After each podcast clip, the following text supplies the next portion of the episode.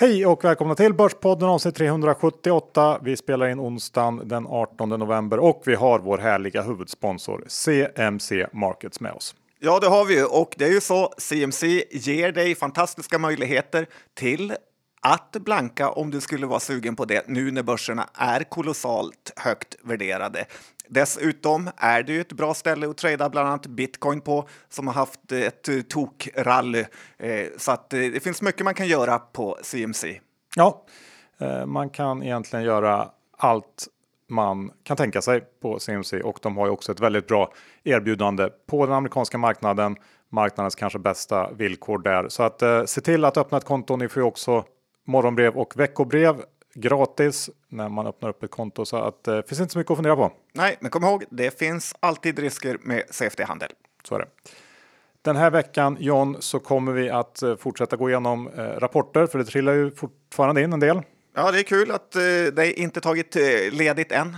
Ja, jag har en stor IPO som jag har tittat på. Kan det vara Nordnet? Kan det vara.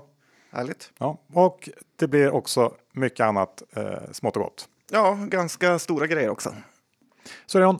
men innan vi kör igång så har vi denna vecka nöjet att ha Rickard Bentefor från Fidelity med oss igen. Och jag tänker att vi fortsätter på Asienspåret som vi var inne på förra veckan. Eh, Kina eh, var ju först ut med covid-19 och alla effekter som, som relaterade till det. Eh, och ni på Fidelity har ju som sagt en väldigt bra och stark närvaro i Asien. Asien. Hur ser läget ut nu?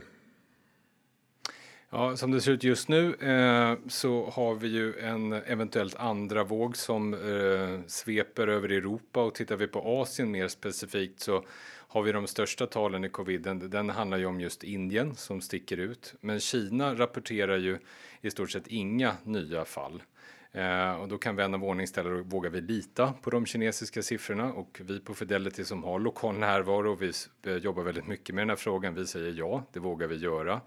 I och med att den kinesiska ekonomin nu är i ett annat skede och eh, när, när Kina nu öppnade upp för utländska investerare så måste man vara ganska öppen och transparent Eh, när det gäller just den här sifferrapporteringen. Och vi tycker att eh, Kina är väldigt intressant. Eh, de har ju haft eh, en, en hälsokod i landet där man, som heter Jinkama och det betyder att man hade all individuell data inbyggd i den här delen, vilket gjorde att man kunde hålla monitoreringen av eh, coviden på ett annat sätt än vad man kanske har inom Europa.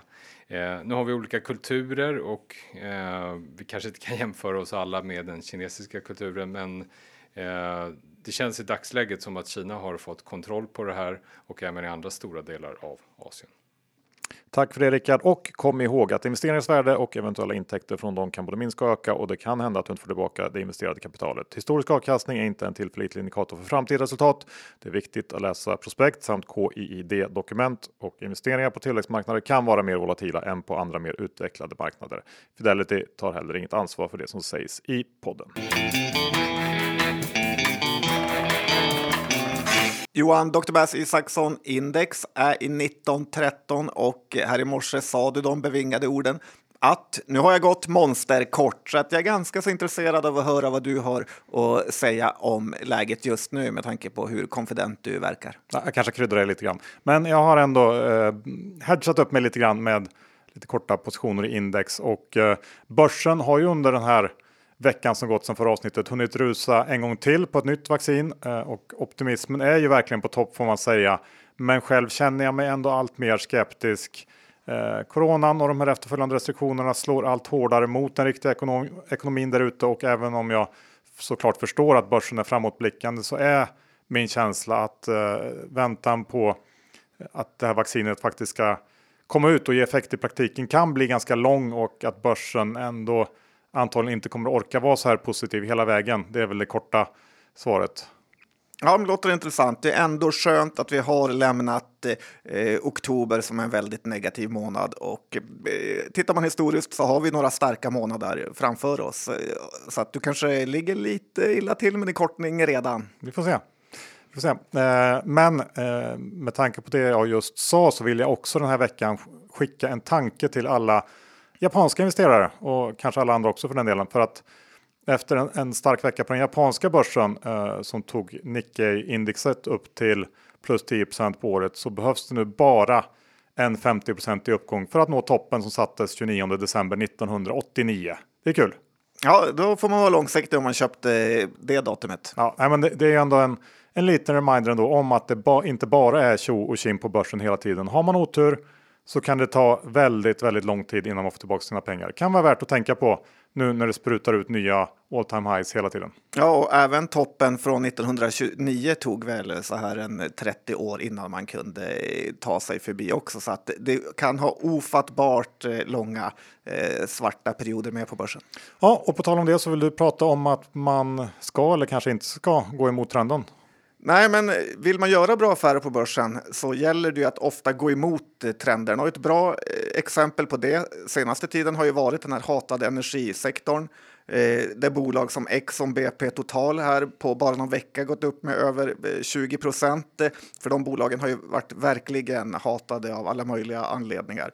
Men folk älskar ju hyper och, och man kan ju titta här på bolagen som kommer med vaccinnyheter. Eh, och det är nästan så att man ibland vill eh, sluta med aktier. Eh, och i måndags var en sån dag att biotechbolaget Moderna i USA släpper nyheten om att de har ett vaccin som fungerar så ser man vips så köper tusentals avansianer eh, den här aktien utan att veta någonting annat än just eh, pressreleasen. Från att varit ett helt okänt bolag så är det nu 4 000 pers på Avanza som äger den och eh, det som är mest skrämmande med det här är ju att det är förmodligen den här typen av hype i resten av världen också. Eh, och det gör ju en väldigt rädd för att aktiemarknaden är inne i en makalös eh, bubbla. Eh, sen ska man komma ihåg att det här covid-vaccinet eh, som bolagen eh, kommer på tjänar de knappt några pengar på, utan det är mer någon typ av PR och en makalös fjäder i hatten. Om man skulle vara det bolaget eh, som lyckades rädda världen. Eh, Moderna gick ju bara upp med 10% på den här nyheten. Eh, och det är ganska lite och tycker jag indikerar att det inte är någon game changer ekonomiskt. Och redan dagen efter Alltså igår då så backade den tillbaka med 5% Så att jag skulle tippa på att 90% av alla avansianer och resten av världens mikrotraders eh, ligger back här. Ja, men du har ju poänger i det du säger och eh, jag såg att eh, förra veckan så noterade den amerikanska marknaden de största fondinflödena tror jag det var på över två decennier. Det i sig ja, säger ju någonting. Um, man är inte först på pucken om man köper nu. Man skulle köpt i våras på något sätt. Jag vet inte. Det, det, du har poänger i att man kanske ska gå emot, men ofta brukar det vara bra att göra det ganska långsamt. Uh, göra det kanske ännu mer långsamt än vad man själv tror på något sätt för att det kan ta lite tid. Ja, börsen har eh, tid att vara fel längre än vad du har råd eller vad man brukar säga. Ja, ungefär så. Eh, det är små, småföretagarslakt där ute. Ja, men verkligen. Och jag tycker kanske att Günther Mårder softat lite väl mycket sista tiden här i sitt eh, sätt att beskydda småföretagarna. Kanske ba ägnat för mycket tid åt att träna. Ja, det eller åt börsen. Men bara här kring Odenplan nu så har ju vårt lokala kaffeställe fått lägga ner. Blombutiken bredvid oss har konkat och eh, snart finns det bara 7-Eleven kvar. Och jag känner en viss irritation här hur eh, sådana här företag som Volvo fått miljarder i stöd så att industrivärden och Lundberg ska bli rikare medan varenda småföretagare går på knäna. Eh, nästan så att jag tycker att alla småföretagare och mikroföretagare som består av en, två personer borde vägra betala hyran, skatt eller egentligen ta några som helst utgifter eh, så länge staten göder börsbolagen med pengar. Ja, eh, håller med faktiskt. Vi går över till att det är sitta in och kolla på tv-serier säsong nu. Du går upp, myser upp i soffan med en kopp te runt båda händerna i mjukisbyxor och eh, det är lite småäckligt ens tänka den tanken. Ja, du behöver inte tänka den om du inte vill. Men då kan det passa att tipsa om HBOs nya serie Industry som skildrar ett gäng juniorer på en stor investmentbank i London. Jag har bara sett det första avsnittet. Eh, finns två ute och tycker att den är helt okej okay så här långt. Om än inte eh, succession nivå om vi ska ta någonting som är, är riktigt bra. Men eftersom både du eh, och jag John aldrig var i närheten av att landa något sånt här investmentbankirjobb i London eh, så har man ju liksom på något sätt bara hört talas om de här meningslösa prestationskraven med all-nighters och folk som ramlar ihop och dör. Eh, av utmattning och så vidare. Så att det skildras på ett ganska kul sätt och det här är ju på många sätt en patetisk kultur. Jag hoppas och tror att det kanske är på väg att förändras. Men hur som helst så duger eh, Industry som tidsfördriv när man inte har eller inte får göra något som helst roligt längre. Nej, men det låter lite som en facklig företrädare där Johan. Men det är lite skillnad mellan oss eh, som också jobbade i London som sagt. Jag var diskare och du var skoförsäljare. Eh, man kan väl se det som att eh, vi missade TV-pucks-uttagningen, men på något eh, sätt ändå blev proffs. Eh, men jag har också tänkt på att vi har i princip alltid sedan vi pluggade jobbat inom finans och det är ju ändå en av de mest konkurrensutsatta områden här. Eh, och det finns nog knappt något som egentligen är roligare att eh, jobba inom, trots att det är kanske ett av det tuffaste. Eh, och det är ju svårt att göra något annat när man väl varit i finansbranschen. Det är kanske lite som att flytta från New York till Västerås. Eh, men om man ska tänka tvärtom så ska man nog göra det lätt för sig så ska man göra, eh, välja att göra karriär inom kommunen eller ideella föreningar. Eh, där räcker det oftast med att inte vara alkoholist så får man ett toppjobb, vilket i och för sig är ofta en fördel i finansbranschen. Men det var en sak som jag tänkte på här i helgen var när jag och min fru, som är psykolog, ska tilläggas, gick bort på middag så brukar hon alltid säga innan, kom ihåg nu John, att nu träffar vi inte dina tradingkompisar där man kan säga vad som helst, utan det här är vanliga människor som har känslor och tar åt sig och blir ledsna. Eh, så därför är det också svårt att umgås med folk utanför finans. Vi är också sponsrade av Lendify som för ett par veckor sedan gick ut med nyheten att de säkrat en miljard kronor i finansiering från Insight Investment och det här är den andra finansieringsrundan som Lendify gör tillsammans med eh, Insight. Eh, den första gjordes 2019 och det här vittnar tycker jag om styrkan i Lendifys modell eh, att då en av världens största och mest etablerade kapitalförvaltare eh, med deras kunskap då väljer att genomföra den här investeringen även i de här tuffa tiderna vi är i nu. Ja, och en annan styrka är ju att Börspodden har stor del av sitt kapital investerat hos Lendify. Ja, vill man eh, testa och bli en sparare hos Lendify går man in på lendify.se snedstreck Börspodden. Gör man det, då får man 500 kronor extra insatt på sitt konto när man då har stoppat in och investerat minst 20 000 kronor. John, jag tar ton först här i andra delen. Eh, Som du brukar. Rimligt ändå. Tar ordet. Eh, veckans stora händelse, eh, eller en av dem i alla fall, är Nordnets återtåg till börsen. Eh, den här tilltänkta värderingen som eh, man gått ut med har skapat en hel del diskussion. Nordnet köptes ut från börsen i början av 2017 för knappt 7 miljarder och nu vill man ha en värdering intervallet 22 till 26 miljarder kronor. Eh, vad har då hänt sen man sist var på börsen kan man fråga sig. Jo, eh, bolaget har investerat 800 miljoner i sin plattform och eh, jag har sett att en hel del är skeptiska till det här. Eh, många som är kunder då, och inte tycker att särskilt mycket har blivit bättre på hemsidan eller i appen. Det är möjligt. Jag handlar inte själv via Nordnet, men det finns ju också en annan sida av IT-plattformar och det är den som man som konsument inte ser och att de totalt sett gjort en hel del jobb för att få en mer stabil, skalbar och driftsäker plattform är nog svårt att frågasätta tycker jag. Eh, speciellt om man då tittar på hur kostnaderna eh, har utvecklats sedan utköpet. De har faktiskt minskat sedan 2018 trots att intäkterna nästan fördubblats. Eh, så att det, det har nog hänt grejer där ändå. Och den uppenbara aktören att jämföra med är såklart Avanza. Den stora skillnaden mellan Avanza och Nordnet är ju att Avanza fokuserar på Sverige och Nordnet finns förutom Sverige i Norge, Danmark och Finland. Och man är marknadsledande i alla länder förutom Sverige där Avanza är solklar etta. Men jag tänkte vi kan rada upp några nyckeltal för att få en känsla för hur Nordnet egentligen står sig mot eh, Avanza totalt sett. Om vi börjar med antalet kunder så ligger Nordnet på 1 123 000 kunder versus Avanzas 1 194 000. Ganska jämnt. Sparkapital då har Nordnets kunder totalt 477,8 miljarder och Avanzas 514,2. Även där väldigt jämnt. Intäkterna så här långt i år, Q1 till Q3, ligger Nordnet på eh, 1,9 miljarder lite drygt. Det är upp 67 procent. Eh, Avanza ligger på eh, 1,6 eh, miljarder lite drygt, upp 90 procent. Så även där ganska jämnt och ebit efter kreditförluster så ligger Nordnet så här långt i år på en dryg miljard, eh, 1 miljard 72 miljoner. Det är upp hela 264 procent och Avanza ligger på lite knappt 1,1 miljard, upp 187 procent. Så att tittar man på alla de här eh, siffrorna så är ju de här bolagen väldigt, väldigt lika eh, storleksmässigt. Eh, för Nordnet så är resultat förbättringen som störst på marknaderna utanför Sverige.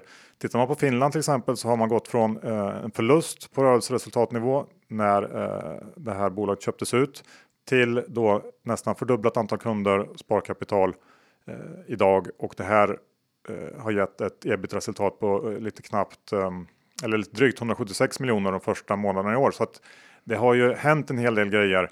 Eh, det är förresten vad hela Nordnet eh, gjorde i resultat året efter utköpet så att ehm, det har gått framåt helt klart.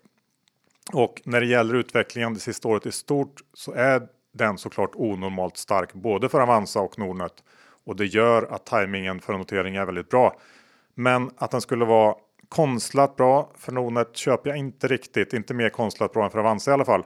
Um, och åren innan utköpet så värderades ju Nordnet i snitt med en 35 i rabatt mot Avanza och om vi antar att Nordnet hamnar i mitten av det här intervallet man pratar om eh, så skulle det innebära en värdering i linje med Avanzas på rullande 12. Eh, sen läste jag i en eh, intervju i Dagens Industri med Nordnets ordförande Tom Dinkelspiel att den här rabatten finns kvar om man då tittar på konsensusprognoser för 2021 och att det då handlar om någonstans mellan 15 och 28 procent. Eh, så att, eh, men det förstår från honom. Jag har inte kollat på det. Eh, vad tycker jag då om den här noteringen? Kanske undrar jag. Ja, faktiskt. Jag tyckte att det var ovanligt bra genomgång för att vara en IPO. Ja, trevligt. Tack. Eh, Nej, men det är mycket snack om det här med eh, rabatten mot Avanza, men jag är osäker på varför det egentligen ska vara någon rabatt. Har du något bra svar på det? Nej, i grunden känner jag väl att eh, hela Nord, eller i alla fall tänkte innan genomgången att det här Nordnet påminner mer om när en millennial har köpt sin bostadsrätt och sen mäter om den och den är en kvadratmeter större så de kan eh, tjäna massa mer pengar. Eh, men nu känner jag väl kanske mer täckningsläge. Nej, men jag, jag tycker inte att värderingen av Nordnet står ut eh, i jämförelse med Avanza i alla fall.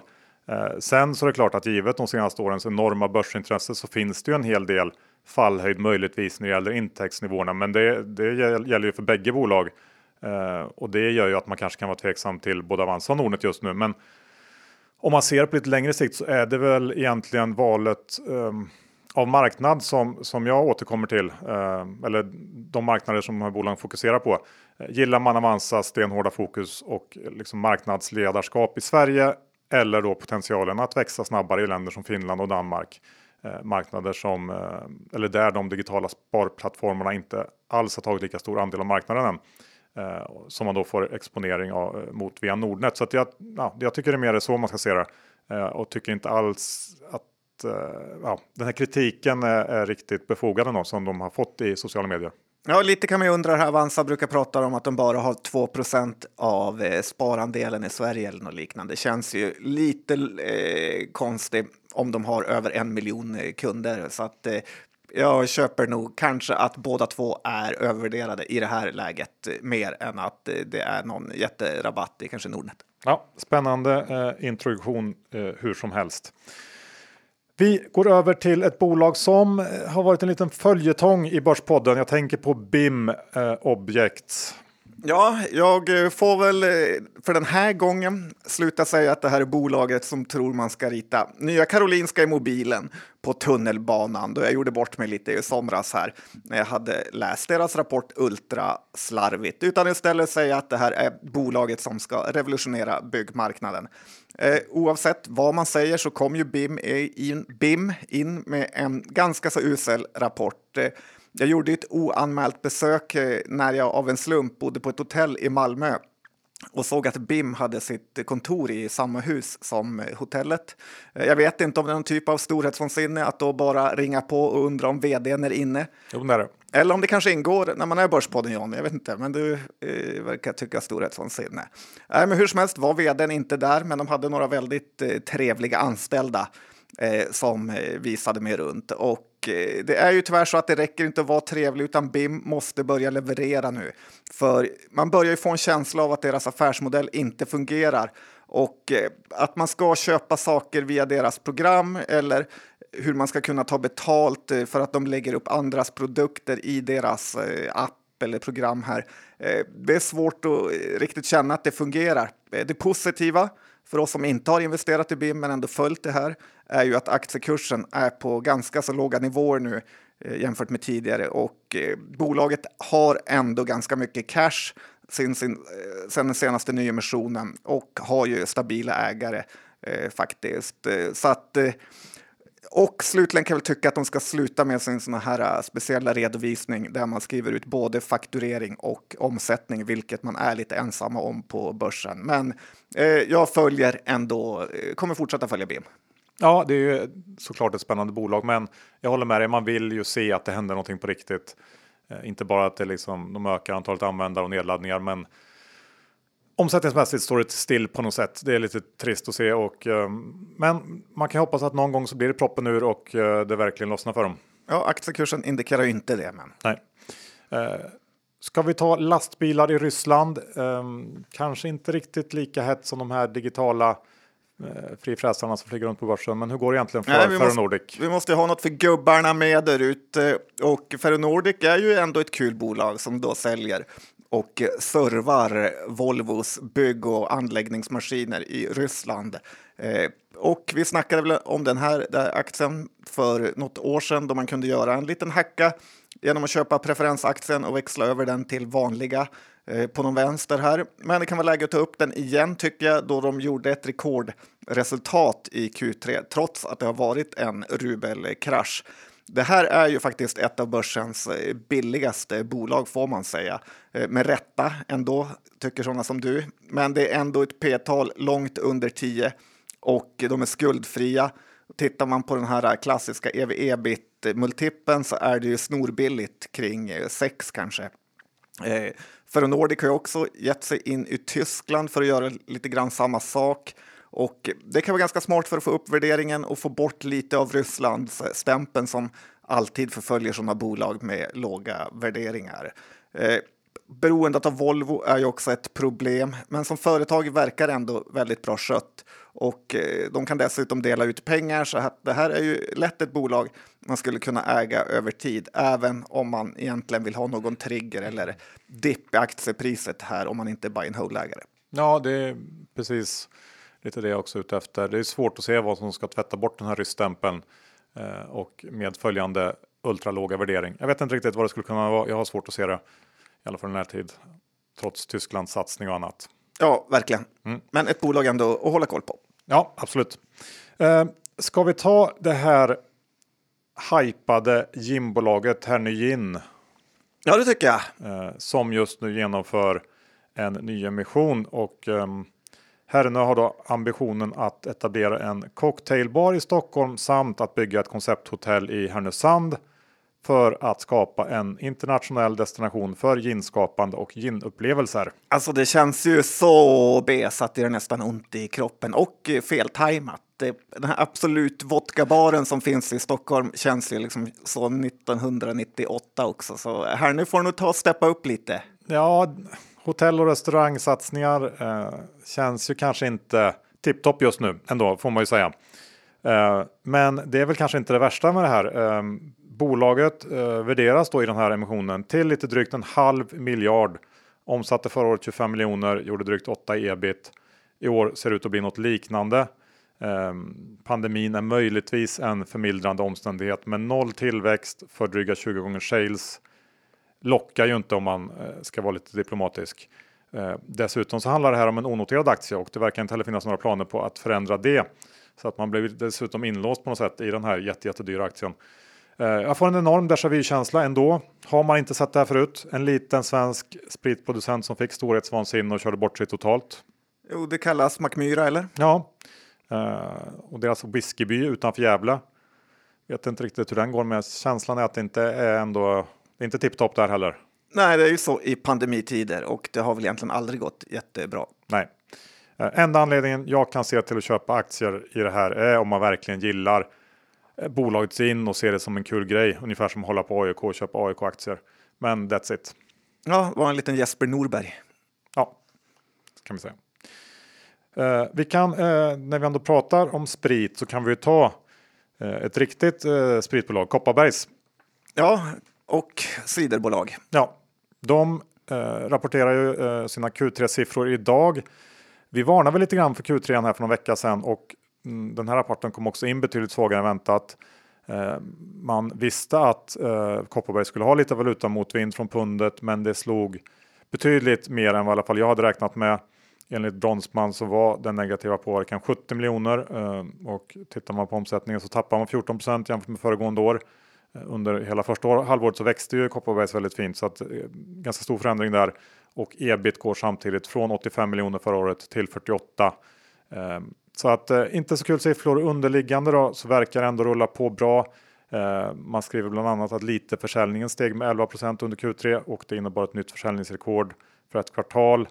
Men när det gäller Kopparberg så är ju valutan lite av en black box. Tyvärr får man säga. Och jag tycker att det är rimligt att man handlar ner den här aktien en hel del idag. Eh, dessutom så kommer vi snart gå in i 2021 med ganska tuffa jämförelsetal, i alla fall under H1 då. Och eh, ja, jag känner att det finns en risk att den här aktien kommer vara ganska seg ett tag eh, framöver, även om Q4 borde kunna bli bättre. Ja, det är ganska aktieovänligt bolag så att eh, nu kommer det inte komma några nyheter i princip på eh, flera månader och det var en dålig rapport. Aktien ska ned. Sen kan man ju tycka att det är lite konstigt det här med att eh, eh Kopparberg har i princip köpt ett fotbollslag, Kopparberg FC Göteborg som vann damallsvenskan och där har de Eh, stoppat in 100 miljoner kronor under en tioårsperiod. Eh, är det väl investerade pengar eller inte? Visst att han står upp för tjejer. Samtidigt så har de ju inte en enda kvinna i sin styrelse, så ja, lite dubbelt där av Pete Berand. Så att jag vet inte riktigt. Jag är inte imponerad av Kopparberg så kommer inte köpa några aktier. Nej, jag kommer också avvakta ett tag faktiskt. Ska vi gå över till Aktiekem, ett bolag som jag inte har en aning om vad de gör. Jag är osäker på om jag vill veta. Vill jag det? Ja, jag tror inte du vill det och det kanske är lite underkänt till det att du inte har hört något med tanke på ändå hur hypat det här har varit under en period. Men det är ju ett av börsens märkligaste bolag. De har no du kommer gilla det här Johan, de har någon sorts eh, chilikrydda som först var att man skulle måla det på undersidan av båtars skrov för att inte få snäckbeläggning eh, och på så sätt eh, spara bränsle. Nu är du köpsugen. Eh, men sen på någon vänster så kom man på att om man blandar ner det här i chiliämnet i hönsfoder så ska det skydda hönsen mot att få salmonella. Ja. Eh, och man väntar här på att försäljningen ska börja ta fart, vilket den inte har gjort. Och, eh, en liten skräll. Ja, men den senaste rapporten var en stor besvikelse nu och bolaget har bara 15 eh, miljoner i kassan och brände 10 senaste kvartalet. Eh, så att eh, man kan nog ändå vänta sig en eh, nyemission här, även om de eh, har en ganska stark eh, fanbase som nog kan vara med på en snabb riktad här. Och det börjar väl kännas lite att det varit bubbelvärdering här i Aktiekem Eh, och eh, bolaget har halverats här så är det fortfarande värt över 800 miljoner. Eh, på förhoppningar om framtiden såklart. Och eh, det gör en då lite orolig att de senaste ordrarna som Aktiekem har fått är på 75 000 kronor. Så det är inte jättebetryggande. Man får ju lite sådana vibbar. Vad heter det här eh, bolaget som inte riktigt var säker på om deras produkt var för eller emot eh, håravfall? Uh... Vad risky för oss att prova det. Nej, men det är, jag, får ju lite, jag får dåliga vibbar av bolag som liksom kastar sig så vilt mellan olika grejer, lite beroende på eh, vad som händer med den här Chile-produkten i det här fallet. Då. Eh, nej, men jag, det, spontant känns det väl som att ja, är man en hönsälskare av rang så visst, varsågod köp det här bolaget och hoppas att, att man kan frälsa alla höns från salmonella. Men i övrigt så har jag svårt att se varför man skulle vilja stoppa in det här i portföljen. Ja, jag tror inte det finns så många hönsfans där ute, men vem vet? Ja, uppenbarligen finns det ju en del. Ja. Mm.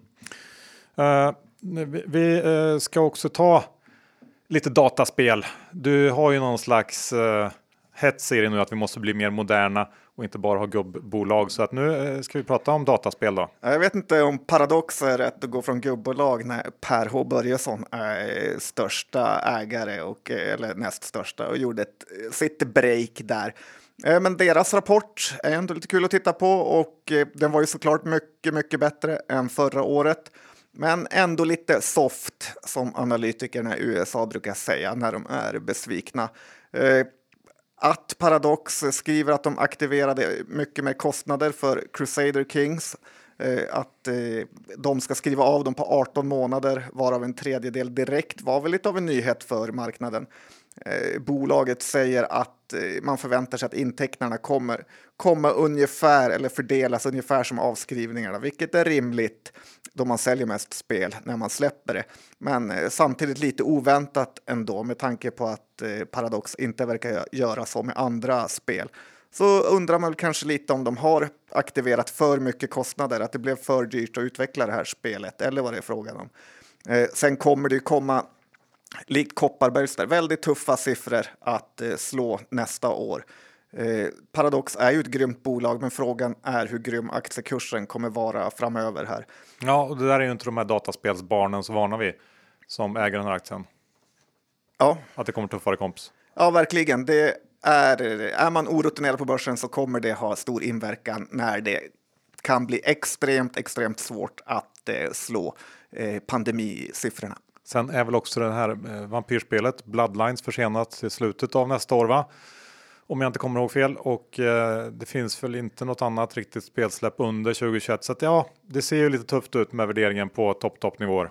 Ja, Ebba sa ju också att det hade bromsat in lite aktiviteten här i slutet. Eh, så att eh, nej, jag håller mig borta från dataspelen, även om Embracer idag som vanligt överlevererade. Ja, det är ju farlig mark att kommentera Embracer eftersom det finns eh, 7000 tittarexperter på det här bolaget. Eh, men som du sa i vanlig ordning så slog man estimaten rejält. De levererar ett förvärv i samband med rapporten och eh, jag har svårt att inte både fascineras och förfäras på något sätt över förvärvstempot i det här bolaget. En del av mig förstår inte hur man får det här att hålla ihop och kan också tycka att det finns en risk i att man bygger upp de här enorma förväntningarna på massor av förvärv i samband med varje rapport. Men än så länge verkar inte det vara några problem alls och eh, det är ju på något sätt bara att gratulera alla som hängt med på den här resan. Du börjar kaxa lite mot Vingefors här. Är Värmland inte stort nog för er båda Johan? Nej, kan vara så. Nu när du har varit med i Arvika Nyheter. Sen är det ju lite så här, han är ju från Karlstad, man har ju ändå lite sådär. Eh... Mindervärdeskomplex. Ja, mm. kanske. Mm. Eh, ska vi John avsluta med en liten eh, återupprättelse för dig? Jag tänker på det finska fiskedragsbolaget. Ja, jag hörde någon sjunga Pappa kom hem för vi längtar efter dig. Nej, men Rappala kom ju här med en omvänd vinstvarning igår och aktien stängde upp 20 eh, procent. Men var väl upp eh, 30-35 procent under dagen. Och det visar ju återigen hur bra det är med såna här lynchningar och alltid tänka i aktier när man eh, gör saker. Eh, Rappala fanns ju när man var liten och fisk är ju något eh, som man gör i familjer som nästan går i arv. Och den här sommaren kan ju ha lagt grund för en hel generation av fritidsfiskare som har såna härliga sommarminnen. Och jag tycker, har man fiske som intresse och en sån här så kallad barnportfölj som jag i grund och botten inte respekterar, men då tycker jag att man kan köpa in lite Rappala här. Eh, man får ju också känslan av ett riskkapitalbolag eh, Eh, lätt skulle kunna komma in och köpa upp Rappala här för att lyfta lönsamheten och expandera. Eh, ett hot får man väl ändå säga är ju att man kan köpa fiskedrag från Amazon som är, och Kina som är i princip gratis. Och eh, om jag ska vara ärlig också så säger lite av min egna fiskerfarenhet att fiskarna inte bryr sig så mycket om vad det är för drag. En sjuk grej som jag var med om i somras här var att jag fiskade i Lögdeälven i Västerbotten och då var mitt eh, barn med eh, som jag inte ville skulle kasta bort något av mina findrag. Så hon fick kasta med ett drag som hade Björklövens eh, logga på sig som jag köpt på skoj. Men det slutade med att hon fick tre harrar och jag inte en enda. ja, kul ändå med Rappala. Slut på avsnitt 378. Vi tackar vår huvudsponsor CMC Markets. Gå in och öppna ett konto om ni inte redan har gjort det. Ja, det är ju så mycket som händer på finansmarknaderna och det känns dumt att inte ta del av det. Så är det. Och Lendify.